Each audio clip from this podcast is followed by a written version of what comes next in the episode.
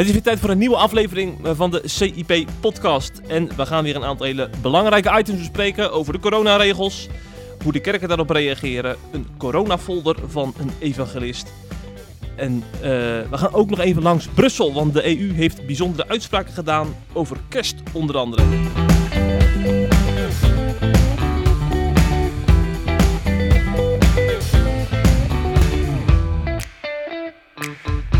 Hele mooie items om te bespreken met Hans Maat. Hij zit hier voor me. Hans, van harte welkom in de CIP-podcast. Ja, dankjewel Jeffrey. Ik heb er zin in. Nou, dat is mooi om te horen. Je bent eh, altijd enthousiast, zo ken ik jou ook.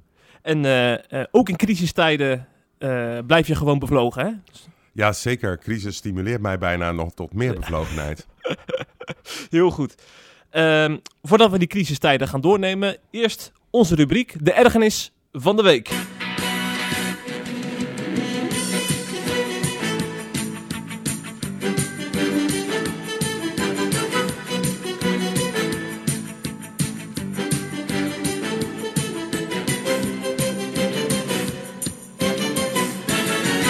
Jij hebt een eh, nieuwtje ontdekt. Nou ja, kijk, weet je, eh, er zijn natuurlijk altijd vele ergernissen in het leven. En eh, ach ja, het is niet altijd even goed. Maar ik moet eerlijk zeggen dat ik in toenemende mate toch wel moeite heb met wat onze kinderen wordt voorgeschoteld. Met name in het jeugdjournaal van de NOS. Waar voortdurend lijkt het wel dat hele beleid wat vanuit Den Haag komt, wordt vertaald. En dan zijn er weer miljoenen zelftesten uitgedeeld aan basisscholen. En dat wordt uitgebreid gemeld. Kinderen worden ook wel een beetje bang gemaakt. Ehm, en dan denk ik van, oh ja, we hebben het natuurlijk over, moeten we kinderen inenten of niet? En dat gaan we dan allemaal via het jeugdjournaal naar buiten brengen. Ik vind het soms too much. Ja, ja, ja, precies. En eh, jij, dus jij wilde, is het ook een soort oproep eh, richting het jeugdjournaal van, Ja, pas je denk, beleid aan? nou goed, ik denk dat het jeugdjournaal sowieso, ook als het gaat om allerlei ethische thema's, waar wij als christenen, of conservatieve christenen althans, anders in staan, best wel een beetje een lastige, la- la- lastige ehm, rubriek is om naar te kijken. Ja. Terwijl dat vroeger in mijn ogen wat onschuldiger was. Dus, eh, dus ik, zou als, eh, ik zou vooral ouders willen oproepen om eens even samen te kijken of je dat wel echt aan je kinderen allemaal wil laten zien. Terwijl de NOS is bedoeld voor eh, alle Nederlanders, hè, alle kleuren. Het is, dit is niet zeg maar een omroep, zoals EO of BNN-VARA, laat ik het zo zeggen. Nee, nee, nee. Dus ze hebben geen specifieke identiteit. Nee. Maar ondertussen denk ik toch wel dat, dat ze dat inmiddels wel hebben. Hm. Ehm, en misschien hadden ze dat voorheen ook al wel. Maar ik ergerde me gewoon vooral aan Hm. met het oog op kinderen. En hoe Hm. dat wordt verslagen en wat voor interviews ze dan geven enzovoorts. Ja, helder.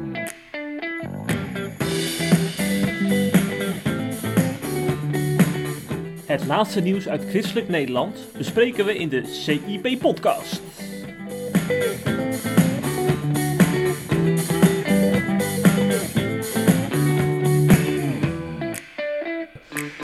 Bedankt voor je aftrap, Hans. Eh, we gaan nu naar onze hoofditems. En dat, eh ja, dat kunnen natuurlijk niet om de coronamaatregelen heen, want ze hebben nog altijd heel veel impact op onze levens, ook op het kerkelijk leven.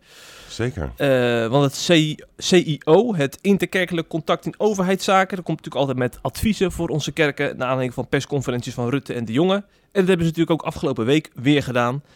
En eh, omdat de regels zijn aangescherpt, eh, eh, hebben ze dat natuurlijk onderstreept door ook de kerken die adviezen mee te, mee te geven. Hè? Van die anderhalve meter afstand, mondkapjes als je naar je plek gaat, als je dus door de kerk loopt.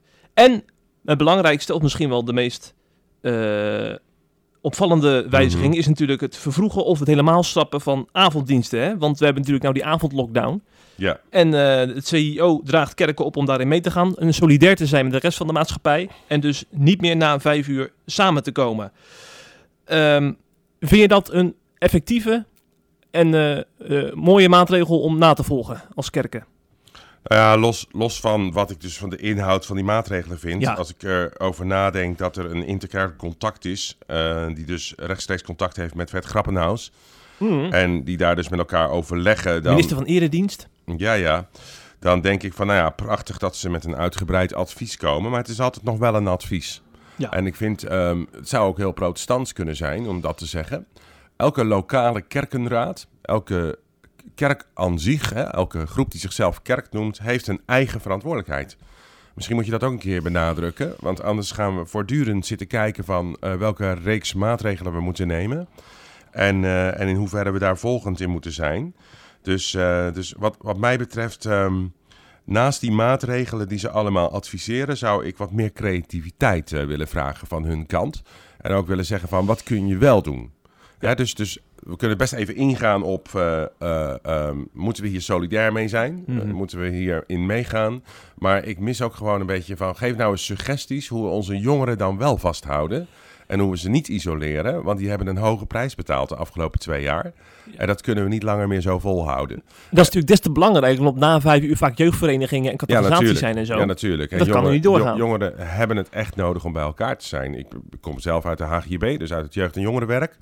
Ik heb mijn hele leven met jongeren gewerkt. En ik vind het echt heel ernstig wat er nu gaande is. Met het oog op die jonge generatie. Ja. Maar dan hebben we het nog niet eens over de kerkdiensten. Hè, kerkdiensten zijn ehm, eigenlijk wel een klein beetje de heilige graal van het Nederlands christendom.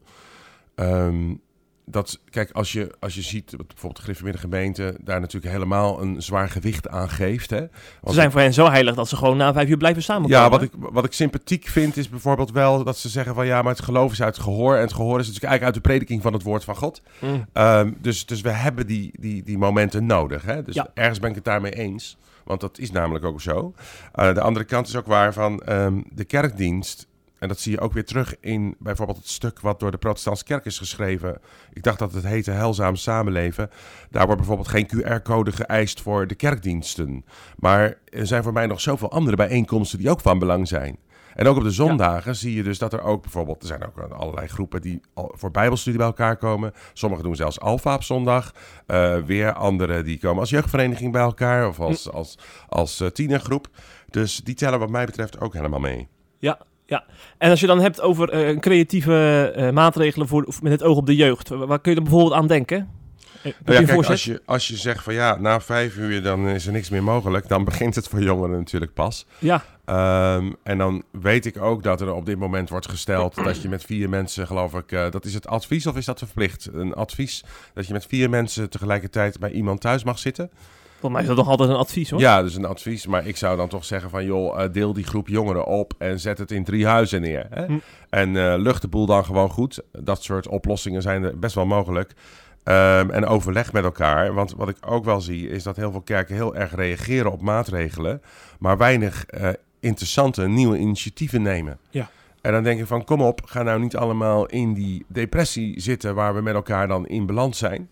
Ehm, maar, eh, maar, maar, maar, maar doe hoopvolle en mooie dingen met elkaar. Mhm, mhm. En ik denk dat mensen heel graag willen samenkomen. Ook gezinnen willen samenkomen. Je ziet die ontploffing bijna van de huiskerkbeweging. Daar zijn wij ook deel van.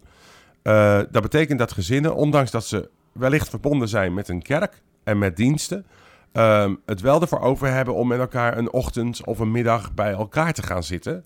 En samen te bidden, bijbelstudie te doen en een spelletje. Dus dat kan je zelfs nog buiten doen. Hè? Als je denkt van, nou ja, het is een beetje griezelig om dat binnen te doen, kan je ook nog naar buiten gaan. Ehm, ik ken zelfs mensen die daarvoor allerlei eh, eh, warmtebronnen hebben neergezet in hun tuin. Oké. dus, dus doe alsjeblieft iets. Dus, maar als je nou gewoon een, eh, een jong gezin in, in Barendrecht bent, kun je dan gewoon bij die be- beweging aansluiten. Hoe werkt dat dan?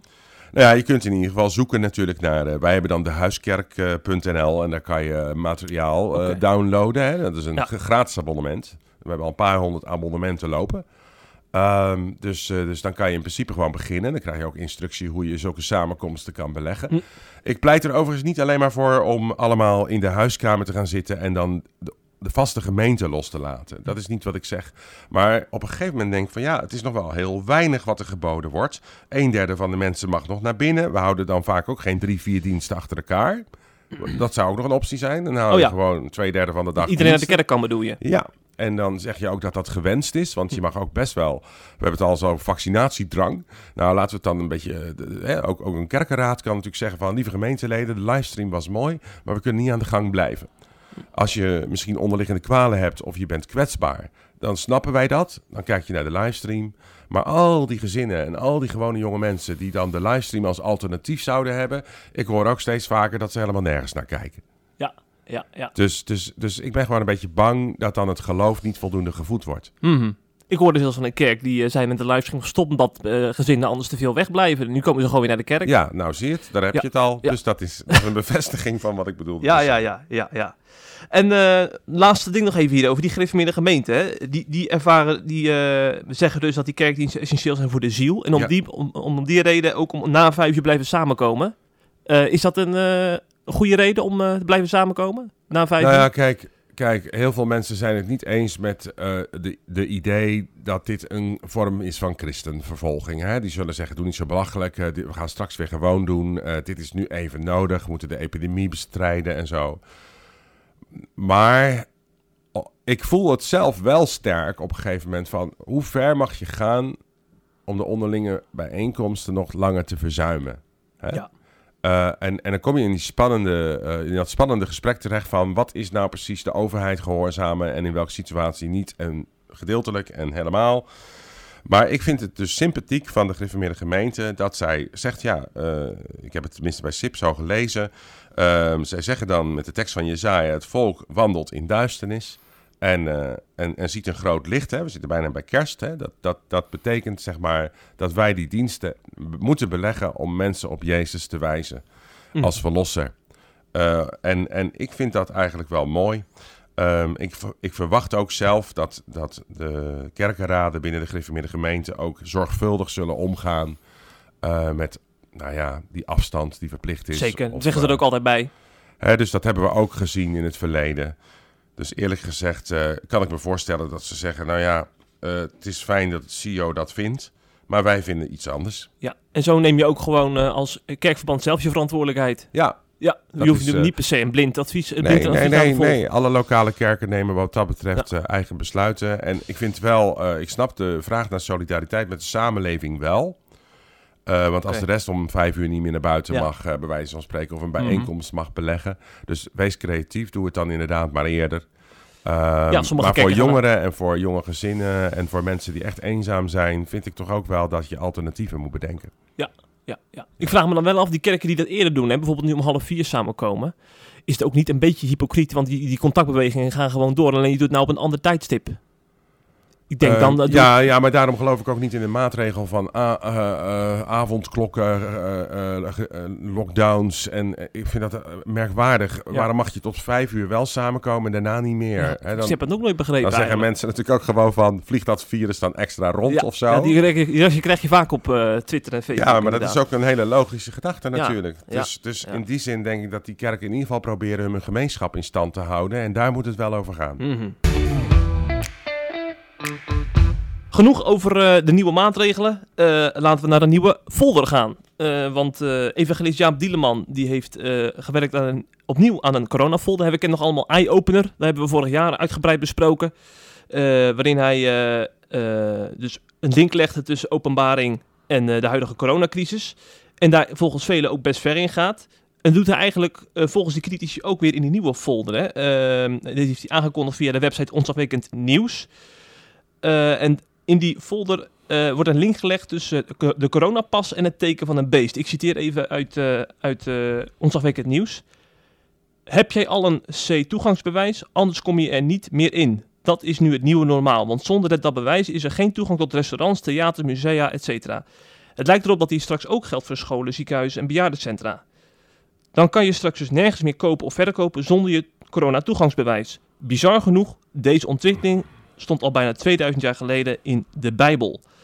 En uh, vervolgens wordt er natuurlijk verwezen naar uh, hè, dat je uh, niet meer kan verkopen, kopen of verkopen als er dadelijk een teken van de beest op je voorhoofd staat. En dat de huidige coronacrisis een soort katalysator kan zijn, een opmaat naar het uiteindelijke digitale teken op je hand of voorhoofd.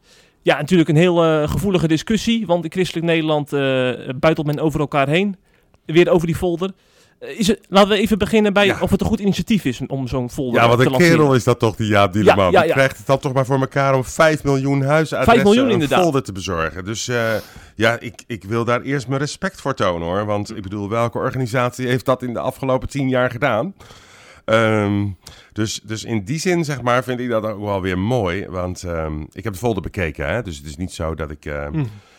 Um, je kan het even zo hebben over die verwijzing naar openbaring 13 en naar zijn eschatologie, zijn leer van de toekomst. Maar ehm, op zichzelf dat je eens een keer zegt: Jezus is de deur en je kan niet naar binnen zonder hem. En dat hij daar een verbinding mee maakt met zo'n coronapas, waarbij je ook niet naar binnen kan. Dat is natuurlijk een actualisatie. Dat vind ik eigenlijk wel oké. Dus, Dat dus, hoor ik bij het evangelist zijn natuurlijk. ja, Die- zeker. Het ja. is een ras-evangelist. En, en, en ja, ik, ik zie natuurlijk ook andere projecten die hij doet in India, waar zoveel mensen, we maar zeggen... Maar vertel er eens wat meer over, want mensen kennen hem alleen maar van die ja, nou, hij heeft al 15 trucks, geloof ik, rijden in India, in bepaalde delen, die van dorp naar dorp gaan. Dus die, die, ja, die halen zo ontzaglijk veel mensen het koninkrijk in binnen. Dat ik dan denk van, jongen, jongen, nou, dan mag hij van mij best een beetje kritiek krijgen hoor, af en toe. Dat vind ik niet erg, maar dan heb ik ook wel zoiets van, laten we ook zuinig zijn op zulke mensen die dat dus eh, doen. En dat doet hij allemaal, eh, zeg maar, in samenwerking met mensen lokaal en regionaal daar. Hè? Dus het, is, eh, het zijn niet alleen maar witte mensen die daar staan te spreken. Dat, dat, is, hè, dat zijn mensen uit India die voor Indiaanse burgers het evangelie verkondigen. Dus ik vind dat fantastisch dat hij dat doet. Ehm, ja, kijk, natuurlijk eh, zijn er allerlei mensen geweest die, die hebben er wat van gevonden van dat vorige magazine. Eye-opener, ja. En nu, ja, Eye-Opener heette dat. En nu dan deze folder. Eh, deze folder is eigenlijk best wel gewoon echt een evangelisatiefolder. Een soort, ja, wel met een waarschuwend gehalte. Maar dat mag ook wel eens binnen het christendom. Mensen gewoon, staan onder druk op dit moment. Mensen staan veel meer open voor het evangelie. Ook mijn ervaring. Wij evangeliseren ook. En ik merk dat mensen soms nachtmerries krijgen van deze periode. Ook al zullen ze dat niet zo snel laten weten aan je. Dus wie weet kunnen jouw buren als luisteraar ook niet meer slapen. En wie verkondigt ze dan nog eens een keer gewoon dat Jezus de enige weg is en de waarheid en het leven? En Jaap Wieleman doet dat met zo'n folder. Ehm, en het is toch ook een beetje zaaien, hè? Dus, dus misschien dat iemand anders later komt oogsten. Maar ik vind dat wel mooi, want evangelisatie is topprioriteit voor de kerk van dit moment. En ik hoor dat nog te weinig in de traditionele kerken of in de institutionele kerken. Het is echt prioriteit. Op, op dit, als je op dit moment de, de periode van, van nood en, en problematiek niet aanvoelt, ja, dan denk ik van wanneer zou je het dan wel doen? Hm. Hm. Dus dat is, dat is, daar ben ik dus positief over. En dan heb je natuurlijk openbaring 13, want daar wilde je ook nog even op ingaan. Zeker, ja, want dat, dat is natuurlijk wat, wat blijft hangen bij, eh, bij onze lezers. Die, die, eh, dat verband die die dan recht. En, en zeggen zeg maar, de, de theologen van, van Kerk Nederland zeggen dan dat hij eh, dat hij eigenlijk zo'n Bijbelgedeelte misbruikt om, om zijn eigen eindtijdvisie te promoten. Ja, nou, nou goed, kijk, weet je, ehm, er zijn inderdaad meerdere stromen in de leer van de eschatologie van Mhm. de toekomst. En ik ben natuurlijk ook een beetje opgevoed met de meer protestants gereformeerde variant. En dan zeg je grosso modo, ehm, sinds dat Jezus naar de hemel is gegaan tot vandaag, is eigenlijk dat hele systeem van de antichrist aanwezig. En ehm, elke keer zie je dan weer dat er bepaalde erupties zijn. En dan denken mensen, en nu is het zover. Hè, dus, dus dat is een beetje waar ik mee groot geworden ben. Maar ik moet toch eerlijk zeggen dat naarmate ik ouder ben, ehm, ik de Bijbel dus letterlijker ga lezen. Ook geloviger ga lezen. Minder analytisch, hè, dus geen, niet zoveel systemat systematische theologie op loslaat. Ehm, en ook wat meer chronologisch ben gaan lezen. Dus ik kan wel die kant op meekomen, zeg maar, dat er wel degelijk een soort eindspel is. En dat Daniel, maar ook de profeten zoals Isaiah, Ezekiel en Openbaringen en Matthäus en Lucas, dat die daar wel heel concrete dingen over zeggen. En ik moet eerlijk zeggen, wanneer in de menselijke geschiedenis hebben we iets gehad wat zo wereldwijd wordt uitgerold, zoals het er nu op lijkt? Zoals een QR-maatschappij bedoel Ja, je? zo'n hele, zo'n hele digitale wallet, eh, zo'n controlemaatschappij. Eh, waarbij allerlei eh, motieven zijn waar ik wel heel veel twijfels bij heb. En die kan ik gewoon op het internet vinden. Hè. Dat is allemaal geen conspiracy meer. Dat kunnen we nu allemaal lezen. Doe ik ook. Ehm, dus ik vind eerlijk gezegd nog niet zo gek. Openbaring 13 in de zin van een chip of een vaccin of wat dan ook. Of een opmaat naar, eh, daar naartoe. Dat weet ik gewoon niet. Ik neem, ik neem dat tot mij. Ik zet dat op de boekenplank. Ik, ik weet niet of het zo gaat werken. Ehm, maar sinds 2013 ongeveer eh, is openbaring 13 in technische zin reëel. Voor het eerst. Dat je iedereen, iedere burger in de wereld, zeg maar, digitaal kan koppelen. En of dat dan met een chip is of iets anders. Dus dat is, eh, ik snap dat je dan die verbinding maakt. En ik vind, hij houdt in ieder geval als een soort wachter, want zo ziet hij zichzelf denk ik ook wel, als een wachter van de kerk. Houdt hij, houdt hij in ieder geval de toekomstverwachting wel levend. En, eh, en dat mis ik wel eens. Ik bedoel, ook Bottomblij heeft dat geprobeerd. En die zei toen, eh 15 jaar geleden, zei hij... Nou, wie weet komt het ook nog uit. Over 25 jaar komt Jezus terug. En toen vroegen ze hem eens een keer zo privé van... waarom zei je dat eigenlijk? Weet je dat dan? Nee, zegt hij, maar niemand heeft het er meer over. Dus ik dacht, laat ik eens wat zeggen. Weet je? Dus, dus in die zin denk ik van ja, het kan geen kwaad. Maar ik geloof zelf persoonlijk, hè, dus ook wel in een spoedige wederkomst van Jezus. En ik vind dat er op dit moment echt een soort convergentie is van Bijbelprofetie. Een samenkomen van heel veel profetie tegelijk. En daarbij is de hotspot in mijn ogen, en misschien niet in die van Wim Dekker of van Stefan Paas of anderen, maar in mijn ogen is de hotspot voor Bijbelprofetie nog altijd Jeruzalem, Israël en het Midden-Oosten. En niet per se corona, maar als onderdeel van wat er nu gebeurt, kan ik me voorstellen dat hij die verbindingen maakt. Hij legt het ook uit in zijn programma's, veel mensen kijken daar ook naar. En, ehm, en ik ben erg benieuwd eh, of het inderdaad zo zal zijn. Ehm, ik vind het in ieder geval een hele mooie manier om te zeggen van... joh, moet je het niet in orde maken met Jezus? Hm, ja. En ik denk dat het ook zo bedoeld is. Zelfs Advent hebben wij losgemaakt van de wederkomst. Dus als ik met Advent preek, preek ik niet alleen over de eerste komst van Christus... maar ook altijd over de tweede. Want dat hoort bij Advent. Maar wat ik me dan wel afvraag, als ik dan hoor vertellen over zijn mooie bediening in India bijvoorbeeld, dan denk ik van, eh, ik heb wel het idee dat hij de laatste jaren zoveel focus legt in zijn bediening ook op eindtijd en zo. En, eh, en, en, en, nou, daarom noemde ik hem een wachter. Want er zijn natuurlijk Ja. een aantal van die mensen. Kijk, je hebt een aantal mensen die doen het al 25 jaar... of misschien al wel 40 jaar. En het zoeklicht doet het ook al heel lang. Ja, Hè, dus misschien hebben ze ook wel een punt. Want sinds, eh, sinds het ontstaan van de eh, staat Israël en ook het, de Verenigde Naties en wat er allemaal gebeurt, kan je toch eigenlijk wel zeggen dat we in, eh, in, in, in het laatste uur leven, of de laatste minuut van het laatste uur. Want er is ook op een gegeven moment, kijk, de helsgeschiedenis is natuurlijk ook gewoon een geschiedenis van God met mensen die ergens begint en die ergens eindigt. Hè? Die is lineair, die is niet cyclisch of zo. Heel veel van mijn collega's, die lijken wel cyclisch te leven, alsof het allemaal maar Ja. blijft doorgaan Ja. en terugkomt. Een soort predikergevoel krijgt daarbij. Eh, nee, het gaat naar een einde toe en het wordt steeds lastiger.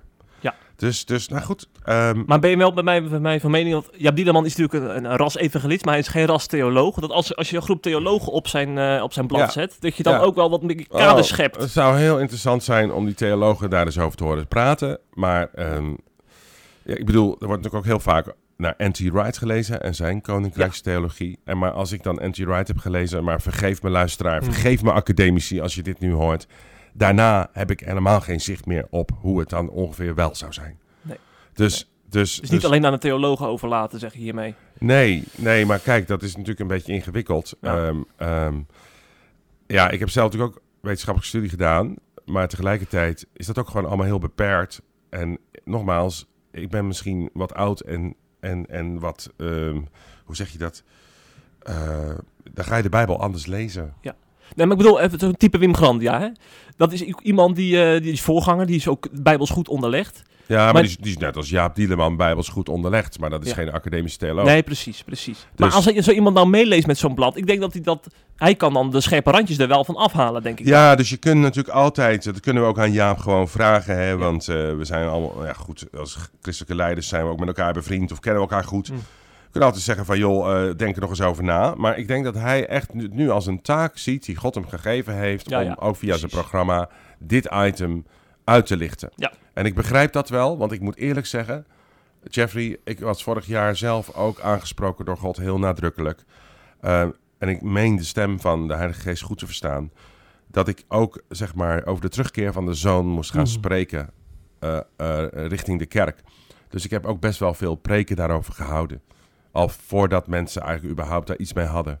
En ik merk dat er heel veel behoefte aan is om ook dat onderwijs te krijgen. Dus misschien is het een beetje compensatie ook van wat we Ja. lang hebben laten liggen. Ja. Nee, ik moet eerlijk zeggen, ik was ook blij verrast dat toen ik hoorde dat dominee Paul Visser, die we inmiddels allemaal kennen als de man van die Great Reset preek, hè, dat hij een, een se- serie deed over openbaring vorig jaar en dit jaar. Dus dat eindelijk een keer dat ook in, in, hè, in, Ja. de, in de mainstream kerken dat ook aandacht kreeg. Zeker, dus er, zijn, er zijn er maar een paar die dat doen. Eh, ik ben er zelf ook één van die dat doet. En eh, nou, misschien kan ik er nog wel drie noemen, maar meer zou ik er al niet weten. Misschien zijn, misschien zijn er predikanten die zich nu wat verongelijkt voelen, want wellicht doe jij het ook. Ja. Maar echt systematisch onderwijs geven over deze dingen, dat is belangrijk. Zeker. Ja, dus dat mogen we best onderstrepen inderdaad. ja, ik eh, vind het deze ook tijd. namelijk heel hoopvolle preken. Het is helemaal niet alleen maar doom en gloom, Nee. zeg maar. Nee, maar dat wordt er dan wel uitgelegd in fragmentjes, hè?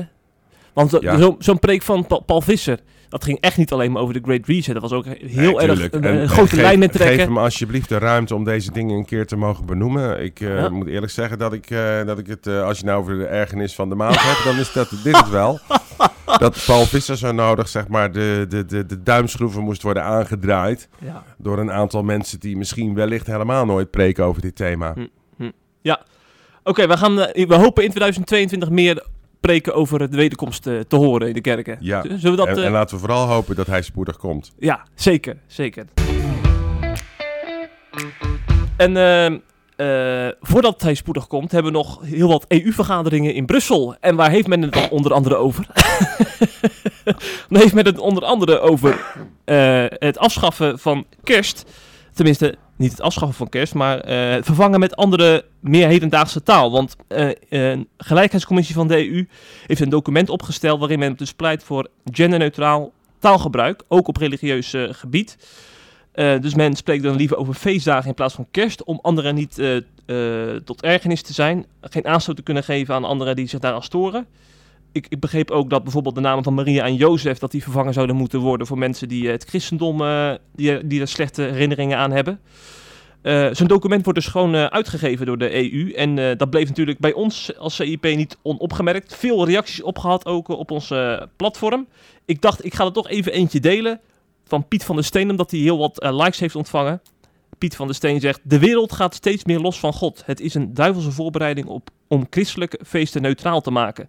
Maar de feesten moeten wel doorgaan met als doel de naam van God te verbannen en de antichrist zijn macht veilig te stellen bij zijn komst. Dus hij eh, waarschuwt maar gelijk bij dit eh, bericht eh, van de, over de gelijkheidscommissie van de EU. Ehm, ja, deel jij deze visie van Piet van der Steen, Hans, als je zo'n berichtje van de gelijkheidscommissie binnenkrijgt? Nou, in ieder geval wel dat de, de, zeg maar die gelijkheidscommissie en misschien wel meer binnen de Europese Unie compleet van God los is. Dat, dat deel ik Ja. gewoon, Ja. heel eerlijk. Ik vind, eh, ik heb dat eh, twee jaar geleden zat ik dat al te volgen in de Verenigde Staten. Die hele eh, genderneutrale taalgebruik en, en missie die ook in het onderwijs wordt gepropageerd.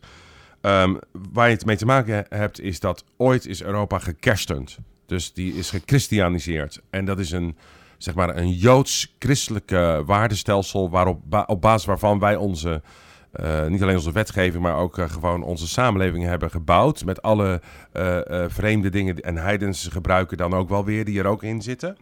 En wat je ziet gebeuren is dat het lijkt te moeten worden ontkerstend. Het moet gewoon allemaal, dat joods-christelijke moet eruit.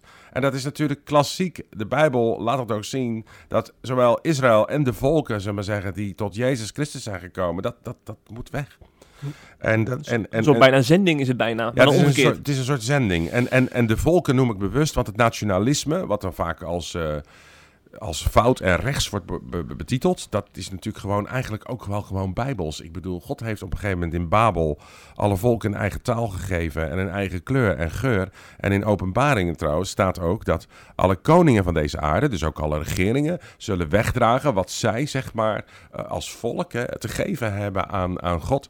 En dan denk ik van, dat gaat dus tegen alles in wat de EU nu aan het doen is. Ehm, genderneutraal taalgebruik, eh, nee, ik, eh, ik trek dat eigenlijk helemaal niet. Maar dit is een discussie die al veel langer gaande is, ook Ja. veel breder. Dus in die zin snap ik Piet heel goed. Ehm, Ja, maar het is al langer gaande, maar ik heb wel het idee dat het pas de laatste jaren het ook Nee, het steeds gaat meer in de versnelling. komt. Ja, ja. alles zit in de versnelling. En dat is heel interessant, want waarom gaat het opeens zo snel? Ja. Ja, Ja. Ehm, schrik jij er dan al wel van als je hoort dat, eh, dat, we, dat, ze liever, dat ze liever over feestdagen dan kerst eh, spreken? Nou, kijk, het probleem is een beetje... Kijk, Piet van der Steen die heeft ook dus een soort eindtijdperspectief... waarbij hij dus nu ook de antichrist nog opvoert, hè. Mhm. Ehm, en, en, en dan zou je kunnen denken aan een wereldregering. Daar wordt natuurlijk veel over gepraat. Eh, De New World Order. Dat wordt in sommige landen gewoon openlijk al gezegd. Door democratische politici, hè. Onder andere Die daarvoor Nieuw- pleiten bedoel ja, ja, in Nieuw-Zeeland, in Australië wordt gewoon nu openlijk gewoon gezegd... This is the New World Order. En dan denk ik, wow, dat is dus... eh, als dat ons voorland is... Maar daar hoort ook een wereldeconomie bij. Nou, daar, we hebben het niet over de digital wallet en alles wat eraan gekoppeld wordt. Maar de ID 2020, dat wordt echt een ding. Daar is de coronapas in mijn ogen inderdaad de opmaat naartoe. En het derde is één wereldreligie. En we zien de paus vreemde uitspraken doen en vreemde bewegingen Wat maken. heeft de paus al gezegd bijvoorbeeld? Nou goed, de paus wil alle religies zeg maar samenbrengen. Ja. Hè? Dus, eh, dus, eh, dus, eh, en die, die is ook de hele dag bezig met inclusiviteit. En, en, en, en staat veel toe wat klassieke katholieken, conservatieve katholieken echt niet willen. En dit hoort een beetje bij dat spectrum van die wereldreligie. Hè? Ik krijg ook wel eens uitnodigingen eh, van ecumenische bijeenkomsten die dan in Europa worden gehouden. Waarvan ik denk, waar gaat dit over? Wat is dit? Dat gaat ook over inclusiviteit en over eh, gender en dat gaat ook over klimaat. En dan denk ik van, is dat een ander evangelie? Nou, ik denk soms van wel.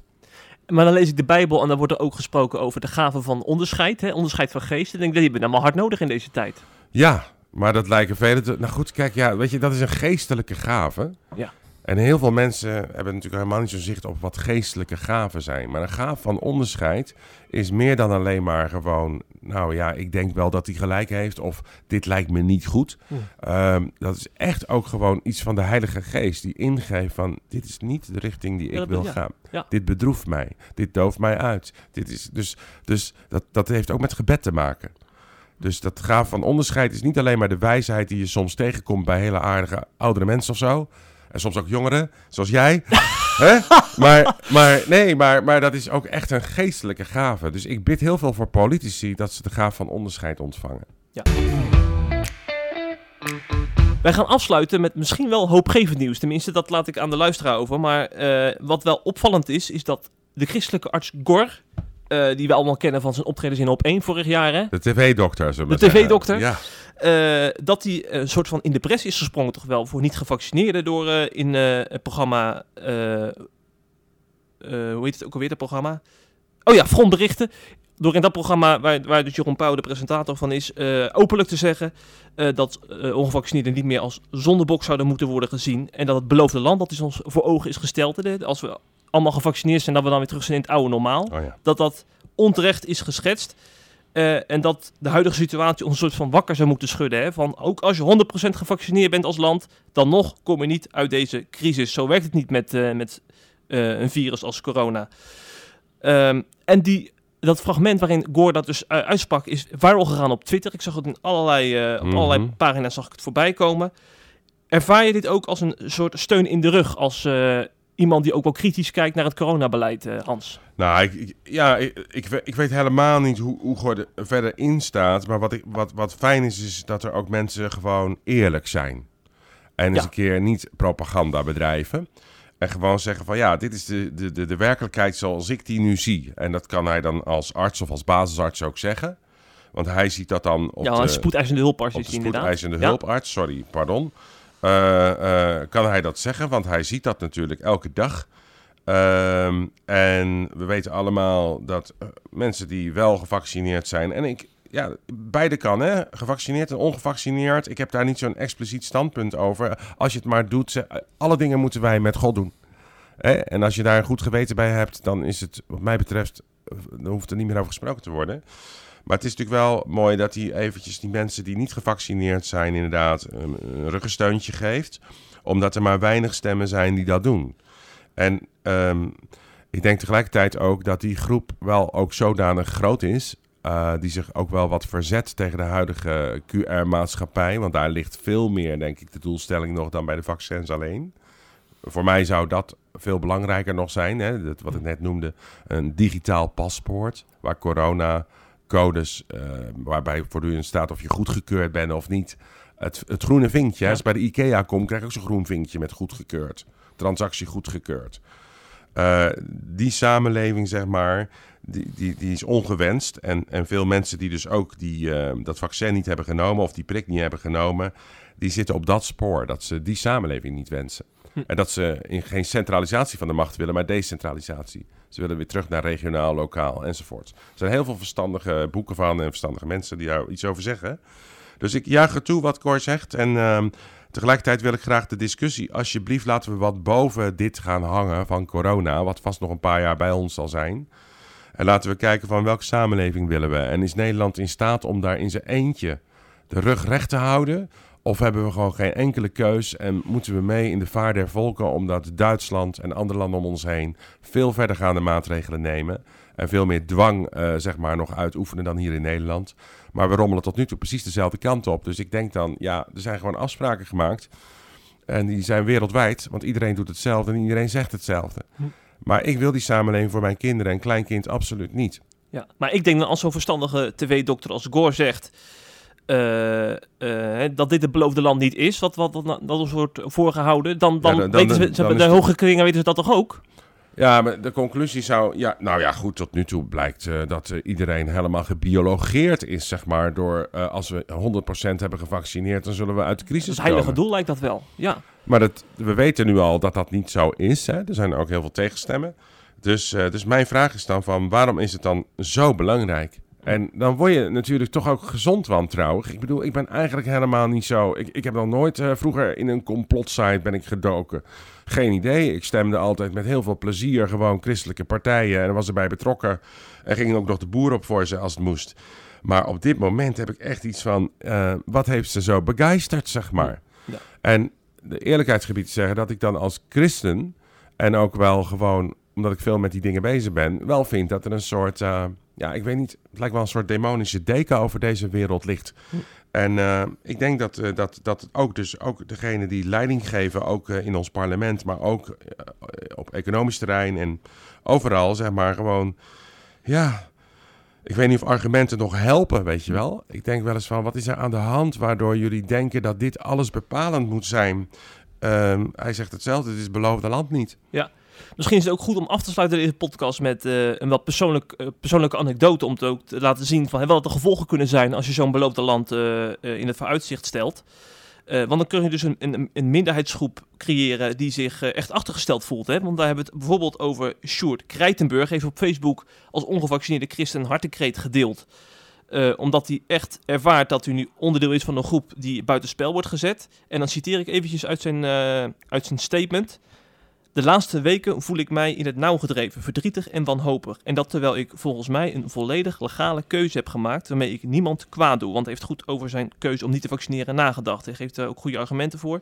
Ondanks dat ik op mijn manier mijn verantwoordelijkheid neem, ben ik blijkbaar een slecht mens, een soort crimineel in de ogen van veel mensen. Dat doet pijn, heel veel pijn. En dat, die harde kreet gaat er nog verder. Maar dit, dit toont wel aan hoe, diep dat gaat dan hè, bij mensen persoonlijk. Ja, en weet je, kijk, ehm, ik ken er sowieso wel velen. En dat zijn eh, gestudeerde mensen, gewone mensen, eh, vaders en moeders, jong en oud. Die eh, met heel bewuste afwegingen komen waarom ze tot nu toe dat vaccin niet hebben genomen. En niet meegaan in, in deze trits waar we het net over hadden. Ehm, en ik, ik schrik er dan van dat heel veel mensen die eh, blijkbaar overal naar binnen kunnen en eh, het niet zo erg vinden om bij een tentje te wachten om getest te worden of om een QR-code te laten zien, niet meer zien dat een groep echt wordt buitengesloten en dus nergens in kan. En misschien straks nog wel verder wordt buitengesloten en wat dat betekent. Hè, dan schreven we moord en brand als er dan vergelijkingen worden gemaakt met Wereldoorlog 2 en zo. En dat snap ik allemaal wel, want het is misschien niet altijd even goed om die vergelijking te maken. Maar je zult het maar zijn. Die straks niet meer naar school kan. En je bent 21. En je zult maar zijn zoals Sjoerd, hè, die dus ook niet meer met zijn vrouw uit eten kan dan. Eh, als hij zoveel jaar getrouwd is. Hè, want dat is de realiteit. Eh, en, en ik eerlijk gezegd, ehm, ik schrik ook een beetje van, met name van christenen, die dan zeggen van nou, een beetje meer drang en dwang mag wel, want ze nemen hun verantwoordelijkheid niet. En dat is niet waar, want zo, zover ik ze ken, eh, hebben mensen die het vaccin nog niet hebben genomen, houden ze heel goed aan de maatregelen. En, eh, en vele daarvan hebben het ook al gehad, zijn een wandelend antilichaam. En dan denk ik van ja, voor wie zijn we nou gevaarlijk? Hè? Ja. Dus, dus de manier waarop eh, wordt voorgesorteerd op tweedeling en het uit elkaar drijven van de bevolking, dat vind ik echt een van de meest grote zonden in dit land op dit moment. En christenen willen daar wel iets tegen inbrengen en willen ook wel momenten organiseren om samen te bidden en samen te zingen en samen te zoeken. Ehm, er zijn allerlei, maar, maar je moet wel beide groepen dan vertegenwoordigen. En ik, zou, ik, zie, ik zie nu ook wel weer een nieuw initiatief komen. En denk van, oh, als ze dan ook maar die mensen zoals Stuart meenemen. Want anders is het echt niet geloofwaardig. Ja, ja, ja, ja. Dus, dus, maar goed, het is echt wel een ingewikkelde periode dit. Zeker, ja. En ook belangrijk om juist dit soort verhalen dan te blijven delen. Want anders eh, zie je ze, voor het weet zie je ze over het hoofd. En dan eh, hebben we dadelijk, eh, misschien hebben we volgend jaar wel 2G-beleid. En dan is deze groep nog verder, nog verder van huis. Ja, Jeffrey, en weet je, we zijn allemaal goed geïnformeerd, denk ik, zo langzamerhand. Ik denk dat de luisteraar thuis ook wel weet van... heel veel van deze mensen, die zullen zichzelf organiseren. Zijn ze nu al aan het Hm. doen. Ik, ik zie dat gebeuren, allerlei vormen van parallel samenkomsten. En eh, dat betekent gewoon dat je ook gewoon een heleboel bijbelgetrouwe christenen... misschien ook wel in jouw kerk eh, of in jouw omgeving kwijtraakt. Hm. Dus die mensen die zijn eh, letterlijk zitten ze nu al in de overlevingsstand. Ja, ja. Maar dat is eh, met name met, met het oog op de toekomst. Hè. Op dit moment kunnen die mensen nog best wel veel, is mijn ervaring. Ja, het gaat om de toekomst. Nou ja, ze kunnen nog naar de winkel. Ja, Wat ja. kunnen ze verder dan nog? Ja, ze mogen de, nog naar de, kerk. Naar de Ze kerk. mogen nog naar de kerk en naar Ja. de winkel. Ja, Ja. En we hebben natuurlijk nu nog 3G, dus eh, mensen die... Ja, maar 3G 90 is ook al in mijn ogen verwerpelijk. Hè? Ja. Dus dat is Ah, mijn persoonlijke. Ja, Dat is mijn persoonlijke mening. ja. Eh, dus, eh, dus 2G is onaanvaardbaar. Hm. En omdat het onaanvaardbaar is, bevorder je door die discussie over 2G zo door te zetten. En je ziet in het parlement hoeveel eh, eh, discussie erover is. Mhm. eh, bevorder je dus sociale onrust op een ongekende manier. Ja, om toch nog even hoopvol af te sluiten. Ik wil toch nog weer verwijzen naar die tv-dokter. Ik vind het toch mooi dat zo iemand zich op de live op de NPO zich uitspreekt voor Ja. ongevaccineerden. Ja, ik denk echt dat God ons zulke mensen geeft en Ja. dat dat kansen zijn. En eh, we zijn hem ook dankbaar dat hij dat heeft gedaan. Want hij heeft bijvoorbeeld gepreekt afgelopen zondag in Mozaïek. En heeft hij, had hij toch een verbindende boodschap. Weet Ja. je wel, gevaccineerde, ongevaccineerde. Ja. Nee, allebei Nee, maar dat is dus nu nodig, hè, die verbindende Precies. boodschap. Ja. En, en dat is ook wel, daar span ik mezelf ook voor in, ook al ben ik dan kritisch op het beleid.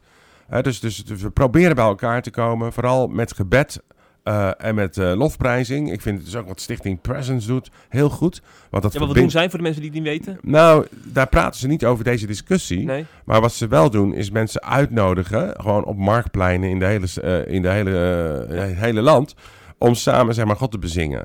Hè, dus, dus dat, en op de een of andere manier zijn dat de beste middelen om één te worden. Samen zingen en samen bidden. Nog meer dan debatteren, wat Mm. wij nu doen. Mhm. Hè, dus, dus, dus ik vind dat hartstikke goed dat Ja. zulke initiatieven er zijn. Ja, ja. Elke donderdagavond uit mijn hoofd zijn Ja. ze ergens in het land. Ja. Dus ga vooral naar eh, de Facebookpagina van Presence. Ja. Dan zie je waar ze donderdag Ga zijn. dat eens doen. Hans, bedankt voor je tijd, voor je bijdrage. Ja, Wie weet, ook eh, bedankt. hopelijk weer tot een volgende keer. En eh, tegen de luisteraars zou ik willen zeggen, wees volgende week weer bij. Want dan hebben we onze jaaroverzicht met onze redacteur Patrick Simons. Dan gaan we 2021 bespreken. Dus ik vrees weer veel corona. Maar goed, dat is niet anders. Tot dan.